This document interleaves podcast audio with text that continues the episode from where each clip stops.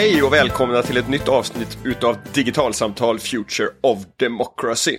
Eh, hej också Karin Hübinette, eh, välkommen tillbaka, nu kör vi igen. Jajamän. Eh, Tycker du jag ska börja nu? Nu tycker jag att du ska börja. Ja, det är så roligt att få fokusera på digitalisering, innovation och demokrati som vi ska ägna oss åt idag. Och vi har fått äran att komma till Internetstiftelsen, hem till dig Jannike Tillå. Ja, Ja, och du är vice president, du är affärsområdes och kommunikationschef. Det är inte så mycket du inte vet om svenskarnas internetvanor. jag hoppas det i alla fall. Härligt. Och sen är det ju en gammal bekant för de som har följt dig Anders i poddvärlden, nämligen Carl Heath. Hej! Hej. Seniorforskare på RISE. Man kan väl säga att du fokuserar på digitalisering, samhällsutveckling, innovation. Du höll också i den här utredningen det demokratiska samtalet i en digital tid. Ett regeringsuppdrag som presenterades för ungefär två år sedan. Det stämmer. Gammal kompis Anders. En gammal kompis, jättekul att ha dig tillbaka i podden Karl. För er som har följt den länge vet ju att det var jag och Karl som startade Digitalsamtal för 247 avsnitt sen eller någonting sånt där. Ehm, och vi ska ju också säga, ifall det blir lite olika ljudkvalitet så är det tre fjärdedelar som har den stora äran att få vara på Internetstiftelsen i Stockholm medan en fjärdedel, det vill säga jag, eh, poddar från den svenska västkusten idag. Men tack vare internet så går ju sånt där att lösa också. Eh, jag tänkte vi skulle börja med dig Jannike. Eh, Internetstiftelsen publicerar varje år en rapport som heter Svenskan och internet. Men vart fjärde år, eh, när det är val, då publicerar ni också en valspecial och så också 2022. Den kom för några veckor sedan, någon månad sedan. Eh, om du skulle få en sån där jobbig fråga att sammanfatta den här rapporten i några korta obser viktigaste observationerna. Vilka, vilka skulle du säga att det är? Vad, vad är vad visar den här rapporten i år? Alltså då kanske vi ska backa bandet till förra undersökningen som vi gjorde 2018 då. Och då kan vi se att internet har blivit ännu viktigare för det demokratiska samtalet och för information om politik. Vi kan också se att olika grupper använder olika plattformar och olika kanaler för information och diskussion på nätet. Så vi möts kanske i ännu lägre grad än tidigare. Det är en viktig fråga. Vi ser också en framtidsoptimism hos de unga rörande internets roll Eh, för demokratisk delaktighet. Och vi ser tyvärr också en baksida i form av självcensur och hat och hot som vi också måste prata mycket, mycket mer om. Och det finns också en del i den här undersökningen som rör eh, oron för påverkan från främmande makt, eller hur? Ja, det stämmer. Och den kan vi också se att eh, generellt i samhället så finns det en oro kring påverkan. Och vi gjorde faktiskt om några av frågeställningarna efter Ukraina-kriget eller invasionen. Och ser faktiskt ingen stor skillnad i de här frågorna, utan man är fortsatt stor, vissa målgrupper är mer oroliga än andra. Och här kan vi se att det är 50 och 60-talisterna som är mest oroliga eh, för påverkan. Mm. Och det här är ju hyperaktuellt. Vi hörde statsministern har pratat om de senaste dagarna flera gånger med tanke på Sveriges NATO-ansökan. Det här är lite grann vad vi har att vänta oss. Vi bara stannar vid det lite grann, Karl. Vad tror du eh, hur Sveriges utsatthet ser ut när det gäller påverkanskampanjer från Ryssland i det här fallet? När det kommer till påverkansoperationer så har ju Säpo eh, i sin årsrapport tydliggjort att vi har ett hot kopplat till eh, risken för otillbörlig informationspåverkan från främmande makt. Och då pekar man ut Ryssland, Kina och Iran framför allt som eh, sådana aktörer, även om det också finns andra. Och här är det viktigt att veta att informationspåverkan pågår i princip hela tiden och tar sig uttryck på olika sätt. Men att vi också som samhälle har ganska många funktioner på plats för att möta de utmaningarna. I allt ifrån myndigheter som Säpo till eh, eh, hur vi lär oss mer om medie och informationskunnighet eh, med hjälp av sådana som Internetstiftelsen eller Statens medieråd eller, eller vår nyligen upprättade myndighet för psykologiskt försvar som just har den här frågan som, som sin huvuduppgift att, att jobba med. Så även om vi vet att det pågår och att man ska ta det på ett stort allvar så tror jag att vi idag i högre grad kanske än för några år sedan också har bättre förutsättningar att möta detta. Skulle man kunna säga att Sveriges beredskap är god? Just när det kommer till skydd mot informationspåverkan så skulle jag nog säga att vår eh, beredskap är på väg att bli betydligt högre. Och jag tänker Jannica, att det här syns ju också i, i undersökningar, rapporter som ni har gjort, inte minst bland de unga, där, där ni har ställt frågor om på vilka plattformar finns man och i vilken utsträckning har man tilltro till det politiska budskapet som, som sprids på de plattformarna. Och vi vet ju att de som är förstagångsväljare i år i stor utsträckning är Snapchat och, och TikTok-användare snarare än, än, vi i det här samtalet som tänker på Facebook och Twitter och, och YouTube när vi pratar om sociala medier. Samtidigt så, så visar svaren i enkätundersökningen som ni har gjort att även om man hänger på TikTok och Snapchat så betyder inte det att man har tilltro till fakta och liksom så här, innehållet i det politiska budskapet som sprids där. Det stämmer. Vi kan ju säga att tilltron till politisk information är ju störst till traditionella medier. Så när man konsumerar tv, traditionella tidningar, då har man större tilltro till innehållet. Men sen är det så här att vi kan också se att stor del av innehållet man konsumerar i sociala medier är ju precis från traditionella medieplattformar, vilket gör det lite paradoxalt. Så vi tror att man har någon slags känsla av att mixen, att du ständigt måste avgöra vad det är som kommer i ditt flöde, gör att du generellt har ett, en lägre tilltro helt enkelt. Men ja, det, eh, de, de flesta uppger att de tycker inte att informationen är tillförlitlig som kommer just från TikTok, Snapchat, YouTube och Facebook och de andra kanalerna. Nej, men det, det, finns en annan aspekt här som jag också tycker är, är spännande när det gäller just tilltron till de olika plattformarna. Därför att eh, man har hög tilltro till de traditionella medierna och man är också, eh, om man tittar på internetanvändarna i stort, så, så, är det också många som hämtar sin politiska information från de traditionella medierna. Och sen men sen så ser man också att från polit de politiska partiernas egna webbplatser så är det väldigt få som hittar politisk information den vägen. Samtidigt som tilltron till den informationen som finns där är skyhög. Vi ser också att, eller skyhög, den är väldigt god. Eh, och vi ser också att väldigt få av väljarna säger att de överhuvudtaget interagerar med politiker på nätet.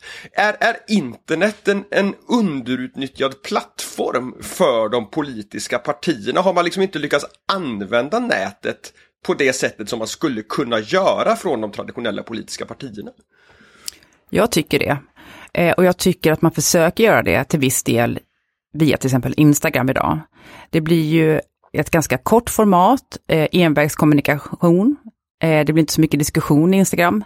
Men vi ser att Instagram är den kanal som förstagångsväljarna använder allra mest för att ta del av politisk information. Men det kräver ju mer av en analys och fördjupning att på riktigt förstå och sätta sig in i de här politiska frågorna. Och frågan är om det här formatet räcker. Tittar vi 2018 och ännu tidigare så hade vi en förhoppning kring att Facebook och grupp, lokala grupper skulle öka medborgarinfluensen. Eh, vi skulle få till en dialog direkt med politiker. Och det ser vi tydligt i den här undersökningen att dit har vi ju inte kommit, utan det är en megafon, en slags media broadcasting-verktyg vi jobbar med nu i sociala medier, vilket är ganska tråkigt eh, egentligen. Så jag hoppas ju på att inför nästa val att vi har fler plattformar där man kan ha en diskussion direkt och påverka. Karl, vad tänker du om det här att trots alla eh, potentiella möjligheter så är det mest bevisligen då än så länge något av en megafon från i det här fallet politiska ledare?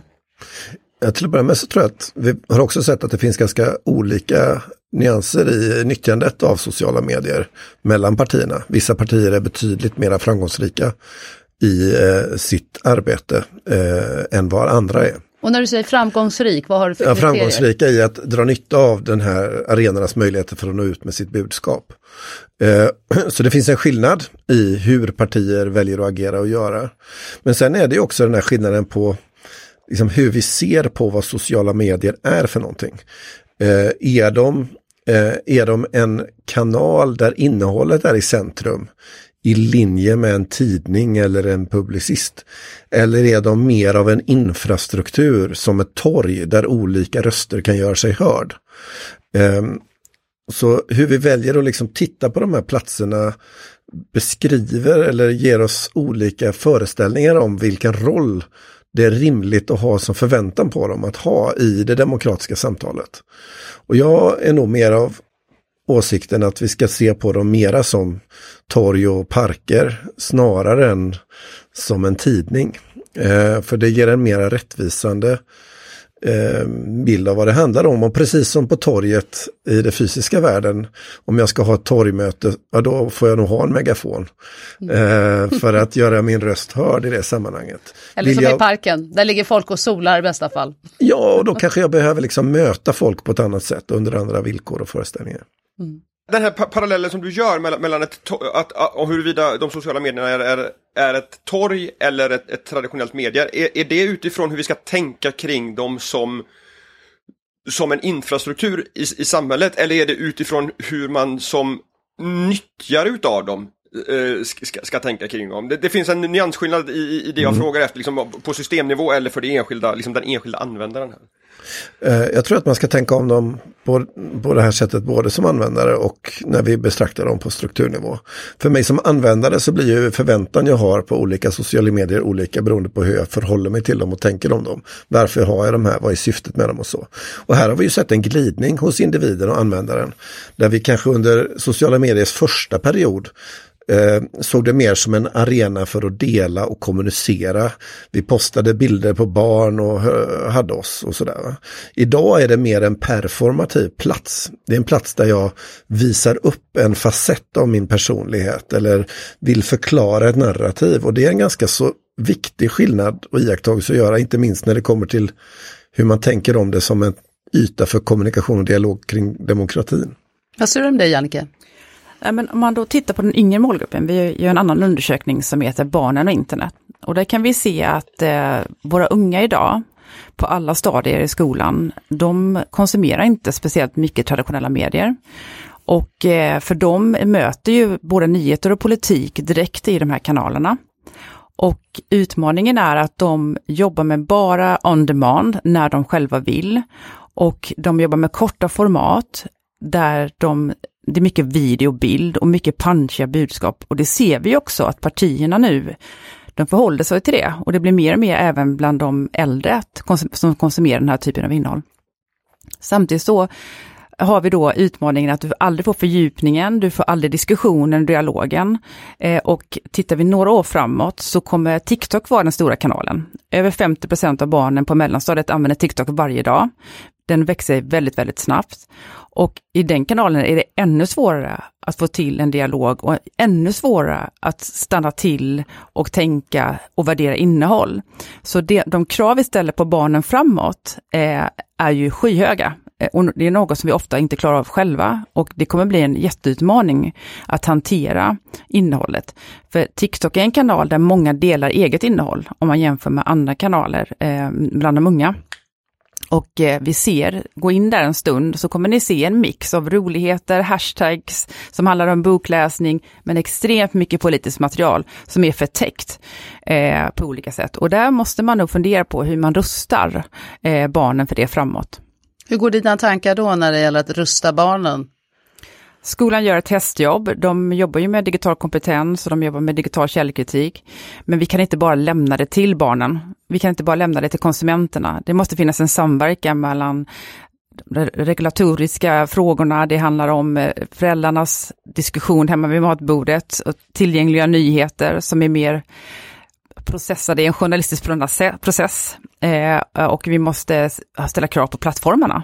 Karl, du gjorde mig uppmärksam för, för någon eller några veckor sedan på eh, en, en typ utav påverkanskampanj som just nu verkar pågå i ett format som heter YouTube Shorts. Där, där eh, material som framställer Putin som en väldigt barnkär och, och barnvänlig person eh, publiceras. Och jag ställde frågan till, till mina tonåringar här hemma om de hade fått den typen av utav material till sig och de hade inte sett det då. Men sen kom min son för ett par dagar sedan och, och berättade att nu hade det här dykt upp i, i hans strömmar också. Och det som jag tycker är kopplat till det som, som du säger Jannike om, om föräldrar och, och skola som, som drar ett hästjobb, det är att de flesta utav oss som är föräldrar eller de flesta utav oss som, som jobbar i skolan eller på andra sätt möter de här barnen är inte på de här plattformarna. Jag hade inte jag hade inte känt till det här om inte Karl hade lyft det här för mig. Och då hade inte jag ställt frågan till mina barn och då är jag inte heller säker på att mina barn hade sen berättat det här vid, vid, vid köksbordet, att, att de hade fått se det här. Så hur ska vi, hur ska vi från är enda lösningen på det här att vi alla börjar hänga på TikTok och Snapchat också och liksom så här, ta del utav de här stora plattformarna för att faktiskt förstå hur ser de här torgen, vilka, vilka är torgen idag? Karl, till att börja med. Ja, jag tror att svaret här måste hämtas på väldigt många olika ställen. Eh, det låter sig inte liksom svaras på i ett, eh, ett sammanhang. Men men, eh, och, och de sammanhangen där man behöver förhålla sig till detta, det är ju naturligtvis inom juridiken och, och de regulatoriska frågorna som, som Jannica är inne på. Där, där, och där ser vi att det kommer pågå och händer förändringar nu, inte minst på EU-nivå med Digital Services Act till exempel. Och annan lagstiftning som kommer att förändra sättet på vilket sociala medier kan fungera i Europa. Eh, så det är en dimension. En annan dimension det är ju skolans och föräldrarnas roll. Och här har vi en utmaning i det att eh, vi kan ju säga media och informationskunnighet och tro att vi pratar om samma sak och så gör vi inte det. För har jag gått min kurs i, i media och informationskunnighet före TikTok, är då är jag inte medveten om och har ingen förmåga där. Det är ett rörligt fält. Och det betyder att vi måste förhålla oss till den här kunskapsbildningen på ett ganska annorlunda sätt än vad vi normalt sett tänker att man liksom går en kurs och bockar av den. Det liksom låter sig icke göras i detta sammanhang då. Och sen det tredje, det handlar ju om ens relationer, eh, inte minst till ens egna barn och till sina föräldrar eh, och andra eh, som också kan bli utsatta på olika sätt. Att tillåta sig att ha det öppna samtalet och att eh, kämpa med det. Du, om vi går tillbaka till det du, både du och Jannike var inne på, den liksom regulatoriska aspekten, juridiken. Och du nämner här nu eh, Digital Service Act som är hyperaktuell. Om du skulle kort beskriva vad vill man åstadkomma med det i korthet? Ja, på ett allra övergripande nivån så handlar det om att eh, insikten om att de här olika typerna av sociala tjänster påverkar medborgare i Europa.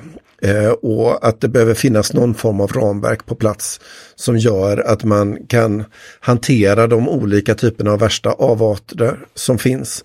Och att möjliggöra för en ökad konkurrens i det här området så att fler och andra tjänster kan finnas eh, och så vidare. Så det finns många dimensioner i, i detta och nu pågår ju arbetet på EU-nivå och sen ska det omsättas i svensk lagstiftning. Så det tar ett tag innan detta är på plats och det kommer säkert liksom hinna rinna mycket vatten under broarna ytterligare. Och de här eh, värsta avarterna som du nämner, finns det en samsyn kring det? Eller hur ska, man, hur ska det här gå till? Vem och ja. vilka ska definiera detta? Ja, alltså i det här fallet så är ju samsynen på EU-nivå. Det är ju där eh, diskussionen pågår nu och där, där är inte länderna i Europa i alla lägen överens. Vi har olika idéer och föreställningar om i Europa om yttrandefrihet, om offentlighetsprincip, om tryckfrihet och så vidare. Och därför blir de här frågorna viktiga för oss att både ta del av i, i sina processer och sen hur vi hanterar dem då i, varje land när när vi har kommit överens på EU-nivå. Från ert perspektiv då, frågade Jannike, vad, vad vore önskvärt om du fick tycka någonting? För du sa att det är rimligt att det, eh, liksom det juridiska perspektivet kommer behöva bli viktigare. Så vad skulle man kunna önska sig? Så egentligen så är det två delar i det här. Å ena sidan en skarpare lagstiftning och hat och hot, där finns en tydlig lagstiftning. När det gäller desinformation så är det svårare. Och här är det lätt att man glömmer att man får faktiskt ljuga. Men man får inte hålla på med desinformation som på riktigt ska påverka andra människors eh, åsikter på lång sikt. Det finns någon slags skiljelinje där som är ganska svår för människor att förstå. Och det är också ganska svårt juridiskt att hantera. Så även om lagstiftningen blir skarpare och kraven på plattformarna blir högre, så ska det ju också hända någonting efter eh, det blir, vi ser ett rättsfall. Och vi ser ju hur det ser ut nu med annan typ av internetrelaterad brottslighet. Det är väldigt få saker som reds ut ordentligt. Det blir sällan att det blir åtgärder hela vägen. Så jag tror att det krävs ett jätteengagemang från hela samhället, många olika delar. Eh, inte minst polisväsendet också. Det låter ändå lite som att det juridiska i alla fall ensamt absolut inte kommer kunna lösa det här bara innan vi skulle hamna i lagstiftning på nationell nivå. Bara den tiden som går. Nej, det, det tror jag, utan det här är en mycket bredare fråga än lagstiftning. Och det är också så att det är viktigt att ha med sig att vi inte har en erfarenhet av att lagstifta i kontexter som är så oerhört rörliga som detta är. Så vi behöver jobba med innovation i området också kring den juridiska utvecklingen.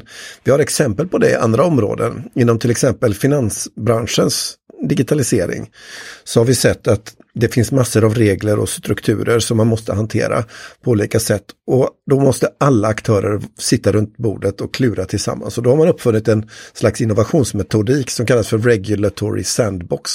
Där man liksom kan samlas och pröva tankar och utforska och se vad kan hända och så vidare. Och jag tror att liksom den typen av innovationer och andra ihop med jurister och så vidare blir viktig för att inte bara bygga en lagstiftning för det som har hänt utan för det som komma skall. Eftersom det är så rörligt som det är då. Den här diskussionen som vi kommer in på nu, liksom hur långt kan juridiken eh, räcka? Får mig att tänka på en, en intervju som jag ganska nyligen läste med en amerikansk journalist som heter Ezra Klein. Som, som precis har kommit ut med en bok som heter Why We Are Polarized. Eh, jag har inte läst boken, jag har bara läst den intervjun och lyssnat på en poddintervju med, med honom också. Men, men han, en av de teserna som han driver här är att internet har inte en polariserande effekt på det politiska samtalet per se, utan det, det driver snarare att enskilda politiker känner sig tvingade att uttrycka polariserade åsikter för att, för att synas och sen så följer liksom så här resten av samtalet med. Och det här öppnar ju på något sätt för, för, en, för en diskussion om Alltså ansvaret eh, har vi mycket diskuterat kring, kring plattformarna och hur de, hur de har riggat plattformarna. Men om det är så här att, att polariseringen drivs framförallt utav ett, ant, ett fåtal politiker som, som väljer att polarisera sig gentemot både inom egna partiet och gentemot politiska motståndare. Då finns det ju också ett, ett, ett tydligt personligt ansvar att, att utkräva här potentiellt. Vad, vad tänker ni om, om det? Liksom så här, på vilken nivå och på vilket sätt den här polariseringen på nätet som vi har pratat om under flera år faktiskt äger rum? Ja, det är, inte en, det är inte en lätt fråga. nej, vilken fråga Anders. Eh, nej men, eh, jag tror så här att vi, Karl var inne på det, vissa partier har varit snabbare på att anamma och nyttja möjligheterna i plattformarnas teknik och algoritmer som bygger polarisering. Och min känsla är att andra då tvingas hänga på. De jobbar med olika PR-byråer, olika marknadsansvariga, kommunikationschefer som vill nå ut och mäter effekten av det de gör, precis som vilket kommersiellt bolag som helst. Och helt plötsligt börjar de mäta effekten och se att de som håller på med det här får en annan effekt, de får ett annat genomslag. Vi måste hänga på. Det är bara en känsla, men jag tycker jag ser mig eh, Titta bara på eh, partiledarnas Instagram. Eh, det är väldigt punchigt, det är klippt direkt från tv-rabatt, ursäkta, eh, klipp direkt från olika debatter i tv, där de får sin linje, de får in punchen och sen är det slut. Det är det man visar själv, det är det man visar upp. Det är klart att det polariserar ju eh, ännu mer, för det blir inte det här fördjupande titta i fler perspektiv, diskussionen. Och det handlar ju om att det är det vi behöver för att ta oss framåt. Men är det här en fråga om vad man både efterfrågar som konsument, ni pratar om unga, man vill se det korta formatet, men också hur algoritmerna, i alla fall hittills har fungerat. Det premierar den här typen av inlägg som väcker känslor och inte minst kanske upprördhet. Så det, är det både efterfrågan och teknik? Ja, ja, absolut skulle jag säga. Det kommer en, och här är jag väl, jag, jag kan tycka en problemat, nu har jag inte heller läst Ezra Kleins bok ska jag säga, så jag liksom ger mig ut på tassemarken när man, jag har tankar om idéer man nyligen har hört. Men jag, med det jag förstått så hamnar själva tonvikten här på liksom den politikern eller individens narrativ. Det är där liksom skon klämmer mest. Och jag är väl lite tveksam till den eh, idélogiken. Eh, jag tror att ansvaret är mycket mer delat. Det kom en jätteintressant eh, eh, krönika i New Yorker i höstas som hette On the Internet We're Always Famous eh, av en person som heter Chris Hayes. Som i den hade en jättefin metafor eh, och som jag har använt ett par gånger därefter och som menar på att om man tänker sig att man är på en, ett mingel eh, med människor och liksom med drinkglaset i handen och alla går runt och minglar och pratar med varandra. Och så är det någon på minglet som har en megafon. Och lite godtyckligt ibland liksom tar tag i megafonen och säger ja nu är det slut på ostbågar. och så går det en liten stund och så säger personen på megafonen bara ja kolla alla med röda byxor ser ut att vara tjejer. Eh, och så vidare. Inte nog med att personen då liksom påverkar det själva allmänna samtalet. Men det kommer också påverka samtalet för oss andra som är i samtal med varandra. För vi kommer behöva förhålla oss till mannen med megafon. Eh, och den här idén eh, och tanken tycker jag är viktig på det sättet att om du bygger ett socialt medie där du designar tekniskt möjligheten för en person att ha en megafon och att andra inte har det eh, med hjälp av algoritmer. Ja, då iscensätter du möjligheterna för ett sådant beteende att bli uppmuntrat. Och då kommer vi att eh, ta oss an det beteendet i högre grad. Eh, och det kommer naturligtvis att utnyttjas politiskt och på andra sätt. Då ganska ofta när vi pratar om, om sociala medier och det offentliga samtalet så, så gör vi det utifrån ett, ett slags sändarperspektiv. Att vi, vi, pratar om, vi, vi pratar om freedom of speech kontra freedom of reach och algoritmer som förstärker, som bygger den här eh, megafonen som, som ger, som vissa personer blir bättre på att utnyttja än andra och så vidare om man vänder på perspektivet här och inte diskuterar teknisk design och plattformsbygge och så vidare utifrån hur ska, vi, hur ska vi göra livet så lätt och så bra som möjligt för den som vill sända någonting. Utan istället designar saker och ting för att, ja, så här, hur ska det bli så lätt som möjligt att lyssna på saker och ting. Vad, vad, liksom så här, skulle ett sånt perspektivförskjutning förändra någonting i vad man bygger, hur vi pratar om saker och ting, hur vi tänker kring designen av de här torgen? Det tror jag absolut. Och, och jag tror att det är bara två dimensioner. Sen har vi liksom en tredje dimension och det är liksom, när vi pratar om demokratin så är det liksom samhällsdimensionen. Vad är bra för mig som individ i alla lägen är inte nödvändigtvis bra för samhället i alla lägen. Eh, och ska vi bygga torg och arenor som har en samhällsbärande funktion av ett eller annat slag, ja, då behöver vi fundera över sättet på vilket den designen inte bara påverkar den som lyssnar på torget utan påverkar förutsättningarna för hur många som ska vara på torget och på vilket sätt ska det fungera och så vidare. Så att ta sig an dimensionerna på andra sätt att tänka än utifrån den sändandes perspektiv, både individen men också de samhälleliga dimensionerna. Det tror jag blir viktigt och det gör vi ju inte när vi då har kommersiella sociala medier vars primära uppgift är att sälja annonser. För då är affärsmodellen en annan än upprätthållandet eller utvecklandet av bärande samhällsfunktioner till exempel. Men många skulle nog känna ett starkt behov och önskan om icke-kommersiella torg i den här aspekten. Samtidigt kan det kännas nästan som en eh, utopi att vi skulle vända den utvecklingen vi idag. Det ska inte komma nya kommersiella tjänster. Hur kan man till TikTok? Det par år. Det kommer komma nya kommersiella tjänster som blir älskade att använda. Är det en utopi att hoppas på det här torget fritt alltså, från... Det har ju samhället gjort förut, alltså när teknikutvecklingen innebar att vi fick radio eh, och sen tv 20, 30, 40-tal så bildades public service som en konsekvens av teknikutveckling. Eh, och då såg vi att det var viktigt att bygga samhällsinstitutioner för att möta teknikutvecklingen till nytta för samhället. Eh, så det, bevisligen så har det här gjorts tidigare. Jag är inte den som tror att eh, det offentliga ska göra liksom en kopia av en kommersiell tjänst. Utan jag tänker liksom om man eh, metaforen till den fysiska världen så har vi parker och torg men vi har också köpcentrum och nöjesparker. Och vi har föreningslokaler. Och här behöver både civilsamhälle och det offentliga och det kommersiella finnas eh, i sammanhang där de kommer till sin rätt allihopa. Det är bara det att vi kanske inte än så länge har utvecklat alla de här dimensionerna. Men skulle det kunna vara rent hypotetiskt slags eh, public service, internet? För det finns väl några som för de här tankarna, om det fortfarande kanske är på en utopisk nivå.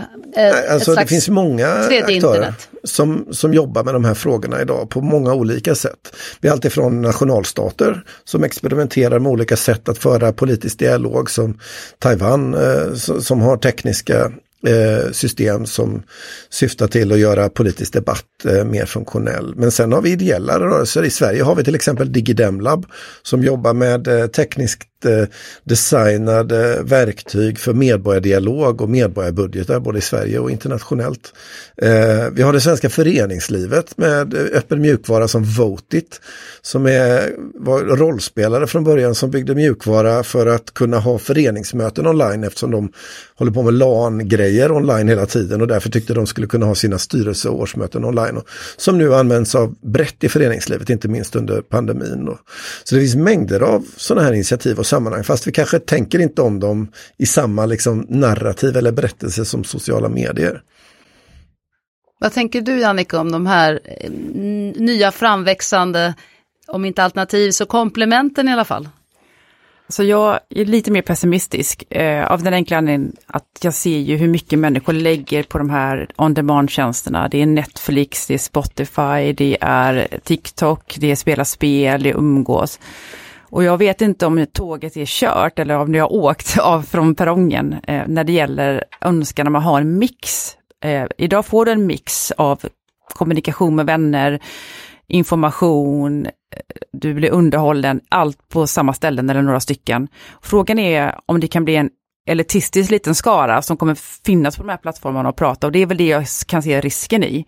Sen förstår jag, de, de plattformarna som finns idag, jag håller med dig Karl, de är inte gjorda för det här. De är inte gjorda för att lyssna. De är gjorda för polarisering på många sätt.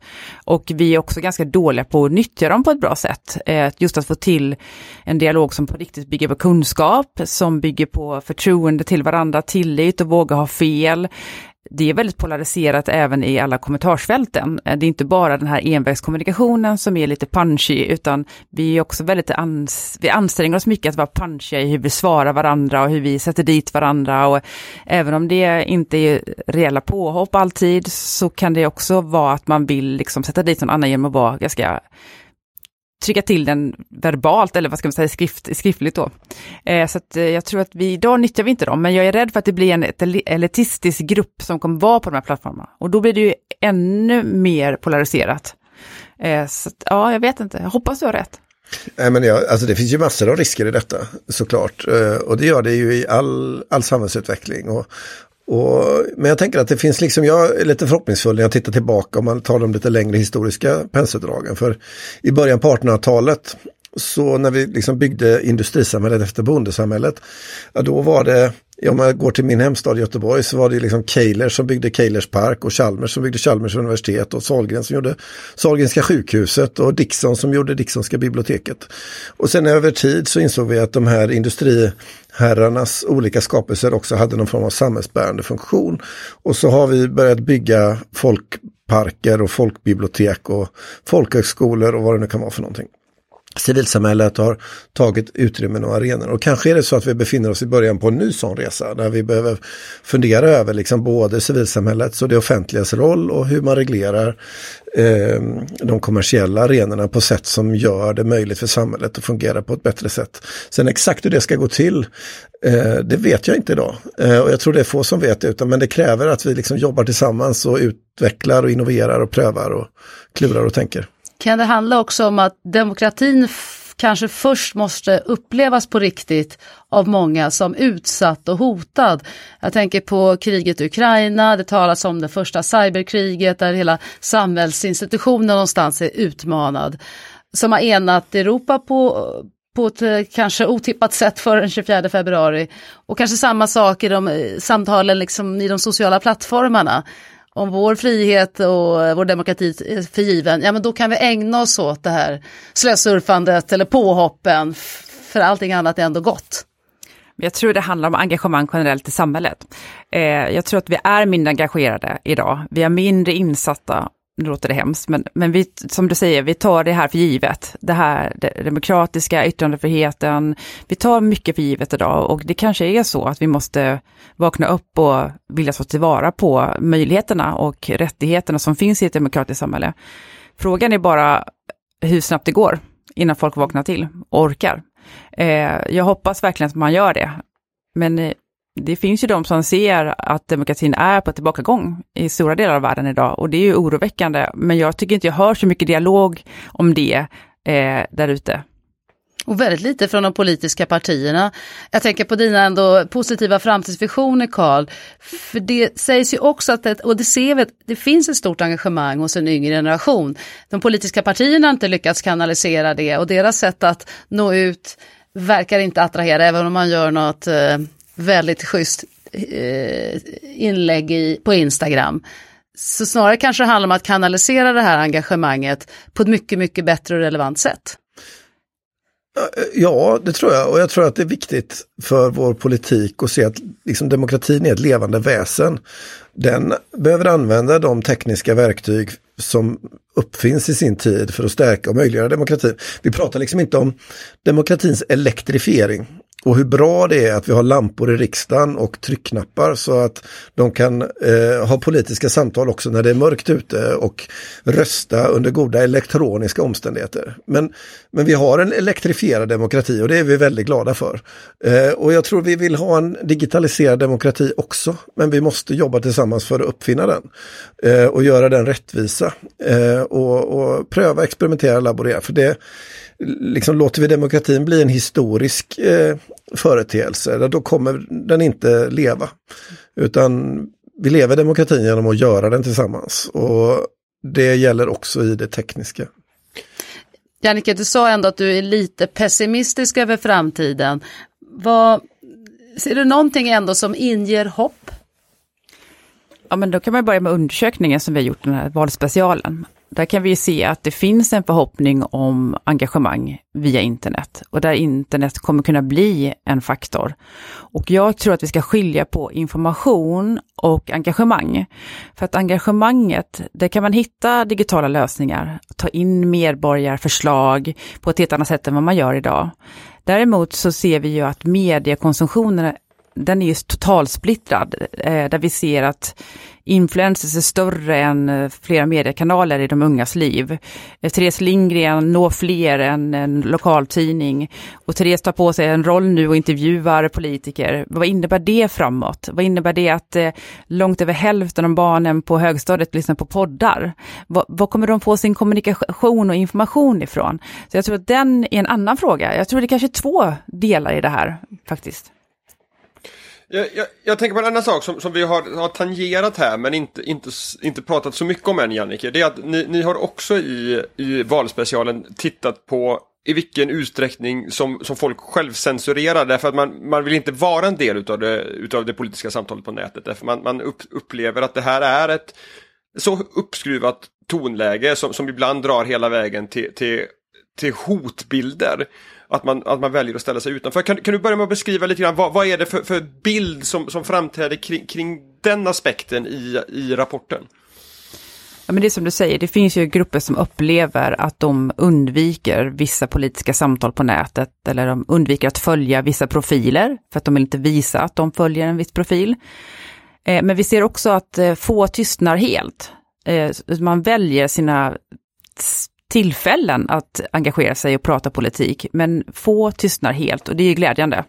Men det är såklart en utmaning när mobiliserade grupper eh, påverkar och tystar andra. Och det handlar ju allt från journalister och det handlar om vetenskapsmän och det handlar om eh, alla typer av eh, offentliga roller idag som måste förhålla sig till det här. Och de ska ju på något sätt eh, bevara demokratin och lyfta de viktiga frågorna och kartlägga utmaningarna och när de då inte vågar göra vissa saker, då har vi ju ytterligare en utmaning eh, som kan påverka demokratin framåt. Men, men, jag tänker för att eh, även där tycker jag att jag skymtar ändå liksom så positiva tecken bland de yngre. Att, att de verkar vara mindre toleranta ändå med den här typen utav, utav övergrepp, eh, övertramp. Man, man, är mycket mer benägen att, att anmäla till plattformarna eller polisen när den här typen av utav saker händer. Till exempel att de tycks ha förstått att, att nätet är inte väsensskilt från den, den fysiska världen och att, att det är okej okay med det här uppskruvade tonläget utan då agerar man på det när man upplever att någonting faktiskt blir fel. Nej men det stämmer. Det är väldigt få av de äldsta som någonsin anmäler ett inlägg. Medan det är nästan en fjärdedel av förstagångsväljarna. Och det beror också på att de är mer engagerade och mer aktiva i sociala medier. Men generellt så har de hittat de här mekanikerna och de här möjligheterna på ett helt annat sätt. Och det är positivt. Och precis som du säger, de är medvetna om vad som är okej och inte. Medan kanske vissa andra grupper bara stänger locket till laptopen eller stänger om mobilen och, och liksom gör inte mer. Hörni, det här har varit ett otroligt spännande samtal eh, som vi hade kunnat fortsätta med länge till. Men jag tror vi ska stanna här. Eh, det har väckt jättemycket tankar hos mig. Hur är det med dig Anders? Många tankar hos mig också. Så stort tack för att vi fick låna er tid och tack för er klokskap. Tack. Tack så mycket. Och till er som lyssnat, vi hörs snart igen. Hej så länge.